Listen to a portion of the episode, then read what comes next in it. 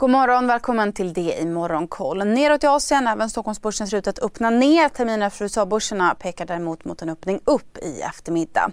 Men vi ska börja med ägarbolaget Ratos eh, som redovisar ett kraftigt förbättrat justerat ebit-resultat på 253 miljoner kronor. Omsättningen på 6,2 miljarder är också en rejäl ökning jämfört med i fjol. Och spelbolaget Leo Vegas eh, har tidigare lagt sin rapport till idag och redovisar ett ebit-resultat på 14,1 miljoner euro vilket var högre än väntat. Även intäkterna på 98,5 miljoner euro var högre än analytikerförväntan och ebitda-marginalen landade på 14,4 procent. De preliminära intäkterna i april var också 4 procent högre än i fjol. Så till Asien, Tokyobörsen backar svagt, Seoulbörsen ner en halv procent och Sydneybörsen backar över 1 procent. Börserna i Fastlandskina och i Hongkong håller helgstängt idag till följd av gårdagens första maj-firande.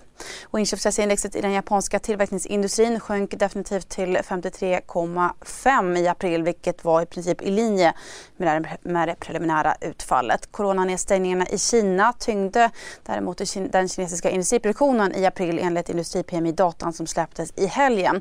Indexet i Kinas nationella statistikbyrås mätning föll tillbaka för andra månaden i rad till 47,4. Även i Kaichings mätning kom indexet in under 50 på 46,0 vilket var det lägsta utfallet på 26 månader. Den svaga industridatan får också oljepriset att falla tillbaka runt 1 idag av oro för minskad efterfrågan i världens största oljeimportör Kina. Brentoljan kostar 106 dollar fatet. Samtidigt så närmar sig EU ett embargo på rysk olja. Har du också valt att bli egen? Då är det viktigt att skaffa en bra företagsförsäkring. Hos oss är alla småföretag stora och inga frågor för små. Swedeas företagsförsäkring är anpassad för mindre företag och täcker även sånt som din hemförsäkring inte täcker. Gå in på swedea.se företag och jämför själv.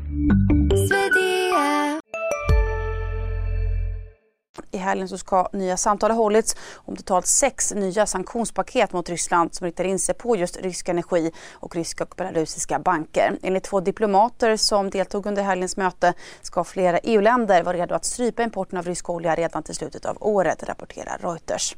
Och börserna på Wall Street föll rejält i fredags. Breda SP 500 backade 3,5% och Tintikna Nasdaq föll hela 4% tyngt bland annat av Amazon som rasade 14% efter sin rapport. Nasdaq summerar därmed april 13,5% ner vilket gör det till den sämsta månaden sedan under finanskrisen i oktober 2008. För S&P som föll knappt 9% i april var det värsta månaden sedan mars 2020.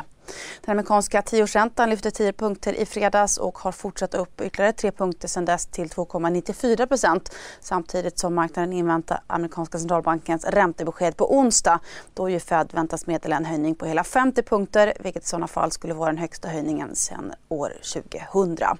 Och det är nästan helt säkert att Finland kommer att gå med i Nato, det sa Sveriges utrikesminister Ann Linde i SVTs Agenda igår. Enligt finländska tidningen Iltalehti kommer Finland ge besked om NATO-ansökan den 12 maj i år. Samtidigt så säger den tyska utrikesministern i en intervju med tysk TV igår att sanktionerna mot Ryssland kommer ligga kvar fram tills att Ryssland eh, fullständigt tagit tillbaka sina trupper från Ukraina inklusive Donbassregionen och Krimhalvön.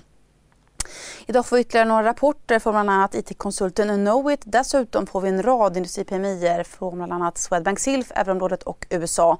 Vi kan väl också nämna att Londonbörsen också håller helgstängt idag. Mer nyheter hittar ni på d.se. CSRD, ännu en förkortning som väcker känslor hos företagare. Men lugn, våra rådgivare här på PWC har koll på det som din verksamhet berörs av. Från hållbarhetslösningar och nya regelverk till affärsutveckling och ansvarsfulla AI-strategier. Välkommen till PWC. Hej, Synoptik här. Så här års är det extra viktigt att du skyddar dina ögon mot solens skadliga strålar. Därför får du just nu 50% på ett par solglasögon i din styrka när du köper glasögon hos oss på Synoptik.